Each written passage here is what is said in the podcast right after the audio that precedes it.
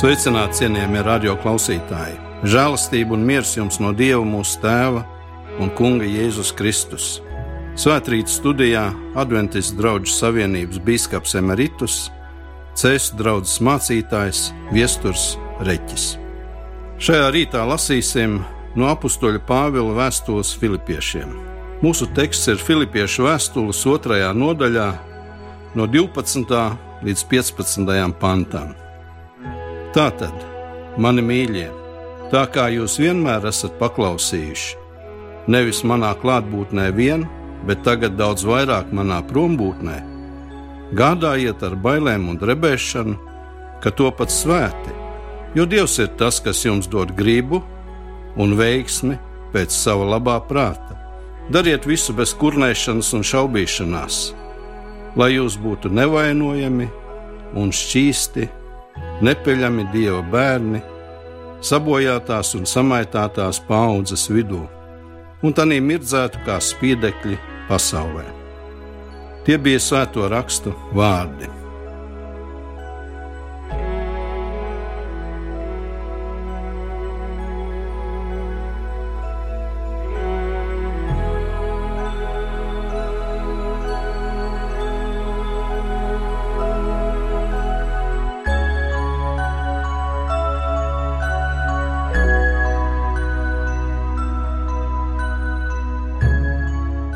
Domājot par šo tekstu, jāsaka, ka 12. un 13. pants sevišķi, kur apustulis Pāvils uzmundrina savus laika biedrus, ir panti, par kuriem ir ļoti daudz diskusiju, bijuši visos laikmetos.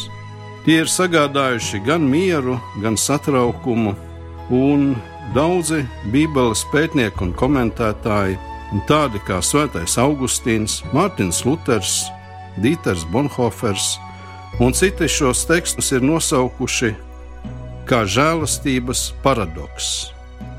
Faktiski šajos pāris pantos ir sakopots viss evaņģēlijs, bet savā veidā kā paradoks. It kā divas patiesības, kas liekas pat konfliktē viena ar otru, un tajā pat laikā nav atdalāmas viena no otras. Paradoks, glābšana Tā ir dāvana un reizē uzdevums. Apostols Pāvils jau daudz ir rakstījis saviem laika biedriem par šīm tematikām, par viņa prāt ļoti svarīgu un būtisku vajadzību mūsu dzīvē. Ja mēs paveramies vēstulē Efeziešiem, otrajā nodaļā, ļoti skaidri Pāvils deklarē, jo no žēlastības jūs esat pestīti ticībā, un tas nav no jums Tā ir Dieva dāvana, ne ar darbiem, lai neviens nelielītos. Ļoti skaidri, Dieva dāvana, un tā nav nopelnāma.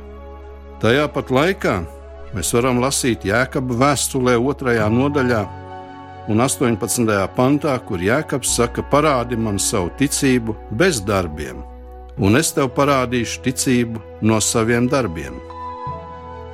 Jā, reizēm mums liekas, Ko gan mēs te varam saprast svētajos rakstos, kāpēc tik sarežģīti? Vai nav pretrunas? Pestīšana, tā ko mēs sakām, mūsu glābšana, tā ir dieva dāvana, ko neviens nevar nopelnīt.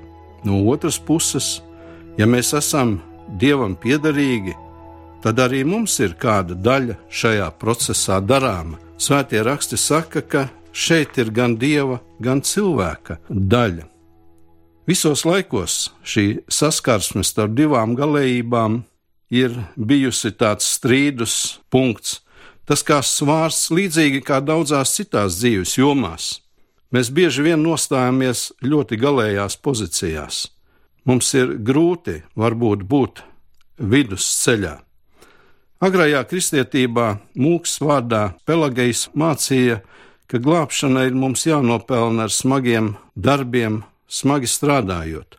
Augustīns turpretī sacīja: Nē, tā ir dieva darbība, dieva dāvana. Dievs izvēlas, ko viņš glābs, un cilvēkam nav nekādas daļas pie tā. Reformācijas laiks, vēlākās atmodas, vienmēr ir bijusi sava veida cīņa starp šīm divām patiesībām. Un vienmēr, kad rodas pretruna vai strīds, tas ir tādēļ, ka kaut kas nav pareizi saprasts vai sadalīts.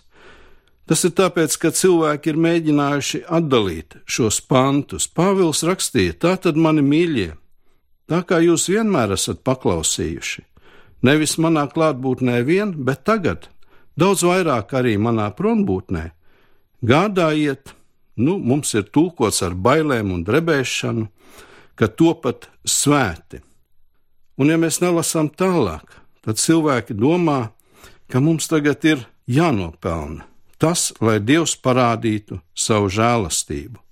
Bet Pāvils jau turpina, jo Dievs ir tas, kas dod gribu un veiksmi pēc sava labā prāta. Dievs darbojas mūsu dzīvē. Uzsvars nav uz cilvēkiem, bet ir uz Dievu. Un vai tad nav tā, ka mēs to varam sajust arī mūsu ikdienas gājumā, notikumos, kas satrauc cilvēkus? Arī šodienas laiks kristieši ir satraukti, kas notiek pasaules politiskajā virtuvē, skatuvē, kā tas skars mūs, arī mūsu zemi. Un tad rodas arī dažādi spriedumi, dažādi risinājumi, bet lasot evaņģēlīju, mēs redzam, labajiem darbiem nav loma kā samaksa par pestīšanu, par dievu labvēlību. Dievs jau piedod mums, ja mēs esam uzticējušies Jēzum Kristum, no ticības mēs tiekam taisnoti. Bet kas notiek pēc tam? Mēs bieži sajaucam žēlastību un dzīvi dievam par godu. Tās nav šķiramas. Tās ir tās, kas mūs uztur veselīgās attiecībās ar Dievu. Ko dara Dievs, ko darām mēs? Jo attiecībām vienmēr vajag divas puses. Un te, te ir šis paradoks. Pāvils saka, mīļie, ar dievbijību, ar bijāšanu, ar godbijību, staigājiet un turpināt būt šie svētie, jo Dievs jūs tam ir izraudzījis. Viņš dod jums gribu, viņš dod veiksmi pēc sava labā prāta. Vēstule efeziešiem, kur mēs lasījām, ka tā ir Dieva dāvana, Pāvils turpina, jo Dievs mums ir sagatavojis dzīvi pēc tam, kad saņemam šo dāvanu. Bieži vien varbūt šī problemātika rodās ar to, ka mūsu tulkojumi, mūsu valoda varbūt neskan tieši tā un neatklāja to domu, ko apustulis Pāvils ir domājis un sacījis. Risinājums ir, un jāsaka, mūsu latviešu tulkojums ir diezgan tuvu tam, ko Pāvils saka. Viņš raksta: turpiniet savu uzdevumu, turpiniet savu misiju, jo Dievs dod jums līdzekļus un iespējas, lai jūs varētu dzīvot šo svēto dzīvi. Un tas ved pie veselīgām attiecībām ar Dievu. Tās ir tās beznosacījuma labās ziņas. Mums ir Dieva dāvana, kas dara mūs brīvus no bailēm, no grēka, kas dara mūs spējīgus cienīgai dzīvei. Ne jau tikai apustulis Pāvils vien, ja mēs pašķirstam arī citas svēto rakstu nodaļas, mēs varam redzēt, ka autori ir rūpējušies, lai lasītāji, viņu laika biedri un pateicība arī, ka svētais gars ļauj mums šodien to sajust, arī sajūtam šo dievišķo pieskārienu. Pirmajā Jāņa vēstulē Jānis daudz runā par šīm attiecībām ar Dievu un saviem līdzcilvēkiem. Trešajā nodaļā, pirmajā vēstulē, Jānis raksta starp citiem vārdiem arī šādus: Ik viens, kas ir no dieva dzimis, nedara grēku, jo viņa sēkla paliek viņā, un tas nevar grēkot, jo viņš ir no dieva dzimis. No tā var pazīt dieva bērnus un vēlna bērnus. Katrs, kas nedara taisnību, nav no dieva, arī tas ne, kas nemīl savu brāli jo šī ir tā vēsts, ko esat dzirdējuši no sākuma, ka mums būs citam citu mīlēt. Un tālāk, nākamajā nodaļā, mēs redzam arī to, ko šī dieva mīlestība, dieva pieskāriens dara. 4. nodaļas 18. pantā Jānis saka, baiļu nav mīlestībā, bet pilnīga mīlestība aizdzen bailes, jo bailēm ir mokas, kas baiļojas, nav sasniedzis pilnību mīlestībā. Dievu klātbūtne, jo Dievs ir šī mīlestība. Tā aizdzen bailes. Bailēs ir mokas, kas baiļojas no sasniedzas pilnību mīlestībā. Kā tas ir mūsu dzīvē, mūsu ikdienā? Vai mēs dzīvojam droši šajā Dieva dotajā žēlastībā, šajā pestīšanā, kā Dieva izglābti, kā Dieva bērni, dzīvojam ar bijību un sekojam Dieva aicinājumam, ja mēs esam baiļu mākti. Mēs raujamies līdzi visiem vējiem un nezinām īsti, kur palikt un ko darīt, kā būs. Apostols Pāvils atgādināja, žēlastība ir bez nopelna. Mēs neko nevaram darīt, lai palielinātu Dieva žēlastību. Dievs ir nemainīgs. Savā vājībā mēs domājam, ka kaut kas jādara, lai nopirktu Dieva žēlastību. Mēs domājam, ka ar kaut kādām mūsu darbībām Dievam ir jāatbild un jāsvēta mūs vairāk un vairāk, bet tas ir mānoši. Pāvils jau saka, jo Dievs ir tas, kas dod jums gribu un veiksmi pēc savu labā prāta. Tādēļ dariet visu bez kurnēšanas un šaubīšanās, turieties stipri viņā, un tad, kas notiek, jūs būsiet nevainojami un šķīsti nepeļami Dieva bērni, sabojātās un samaitātās pasaules vidū, varēsiet pat mirdzēt kā spīdekļi pasaulē. Bet mums gribās tā nodrošināties. Es lasīju reizi par to, kā tika būvēta City Hall, jeb pilsētas hala Vindzorā, un tur tika izveidota celtne, kur apakšstāvā būtu liela zāle, kur varēja notikt tirdzniecība, dažādi sajiet, un otrajā stāvā pilsētas tēvi varēja risināt savas problēmas, savu veidu rācinājums. Kad 1689. gadā Kristopens Vrens bija pabeidzis šo darbu, pilsētas tēvi redzēja, ka lielo halli tās griestus satur tikai balsti gar malām, bet vidū šis lielais pārklājiens ir bez atbalsta, un tie baidījās, ka viņi noturot savus sēdes otrajā stāvā, varētu izkrist cauri griestiem. Notika ilga, gara debate, un līdz beidzot arhitekts piekāpās un arī ielika dažus stabus šīs halles centrā.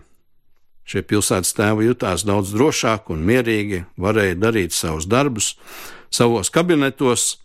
Pēc gadiem vajadzēja izdarīt nelielu remontu halles griestos, un tad atklājās, ka šie stabi nemaz nesniedzas līdz griestiem. Tie bija kā tādi mānoši, kā iedrošinoši, bet tiem nebija nekādas funkcijas. Un apustulis Pāvils saka, arī mūsu centieniem izpatikt dievam, nopirkt viņa žēlastību, var ir tikai apmānoša tāda vizuāla funkcija, tie neko nedod. Žēlastība ir dieva dāvana.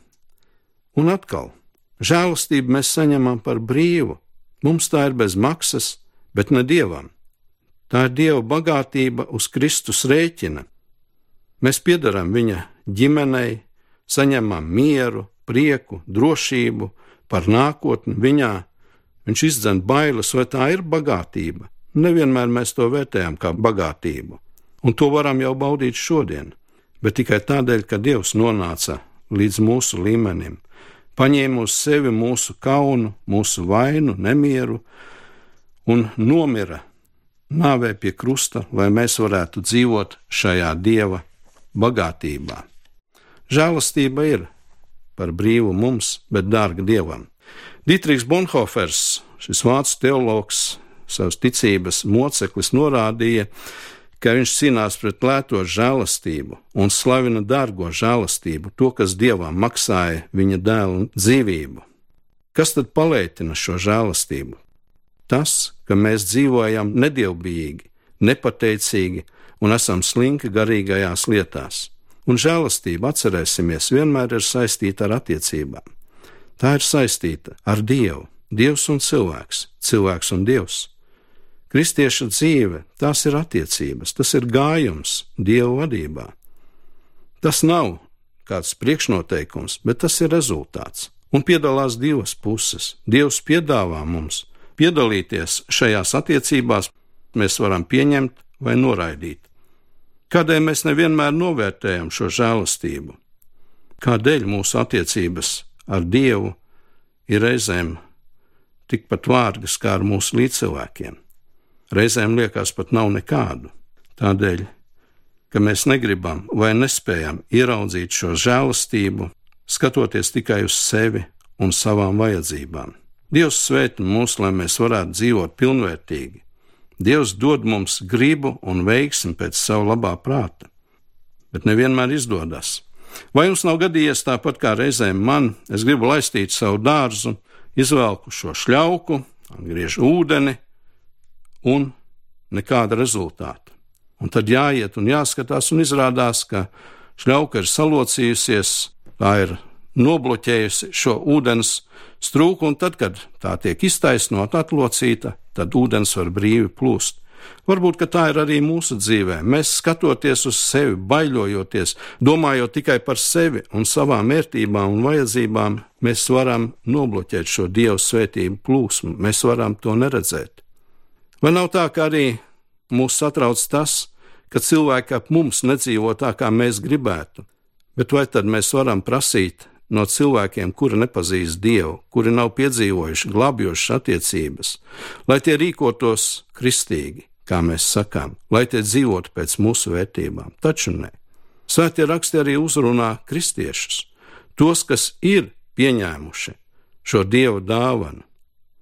Un tad, tad ir jāsāk domāt, vai mūsu kā kristiešu valoda un rīcība ir šo dievu žēlastību apliecinoša. Kā mēs izturamies pret tiem, kam vajag žēlastību, kur ir izbijušies, kur ir pazaudējuši visu, kuriem vajadzīga ir kāda cilvēka klātbūtne, atbalsts, iedrošinājums, kuriem ir jāsāk kaut kas jauns, kā ar tiem, kas varbūt neiedaras mūsu pasaules uzskatā. Jā, tad mums ir bailes, satraukums, neziņa, bet apustulis Pāvils saka: dzīvojiet droši, turpiniet sekot Dievam, gādājiet, lai jūs būtu svēti, jo Dievs ir tas, kas jums dod gudrību un veiksmi pēc savu labā prāta, un tāpēc bez kurnēšanas un šaubīšanas sekojiet viņam, lai jūs būtu nevainojami un šķīsti, lai jūs varētu mirdzēt kā spīdekļi pasaulē, lai Dievs dod šo atziņas mieru un šo pestīšanas drošību mūsu dzīvē ne tikai šodien, bet arī nākamajās dienās, lai Dievs svētī mūs Āmen!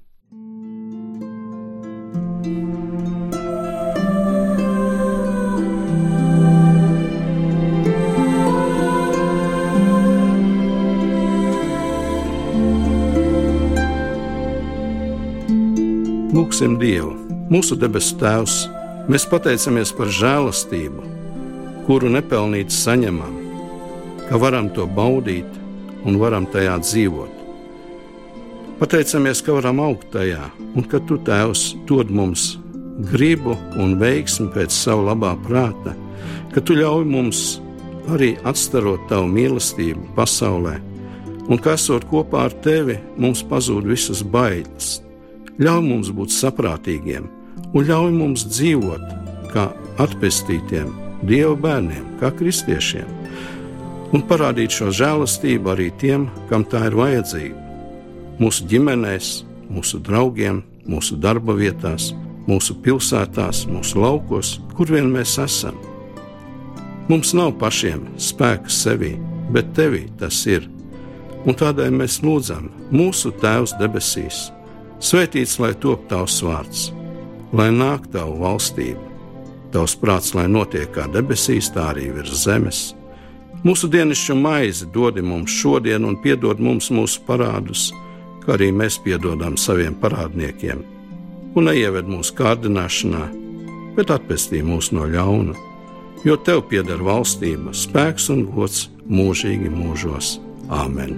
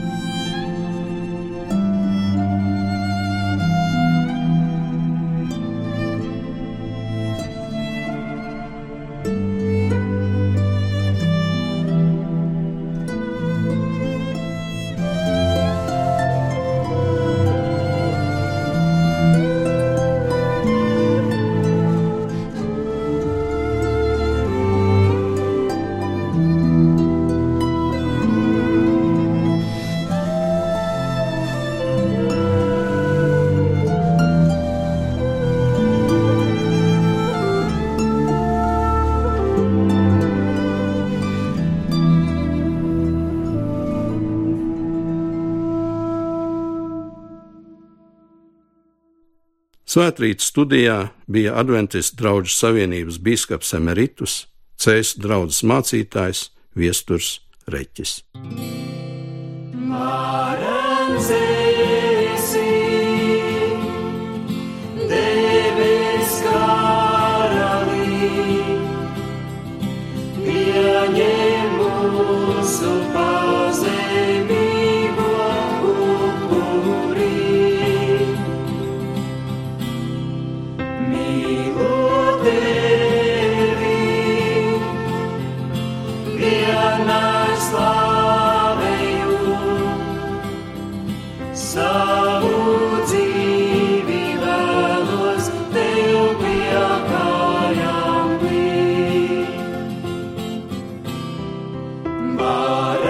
acontecesse.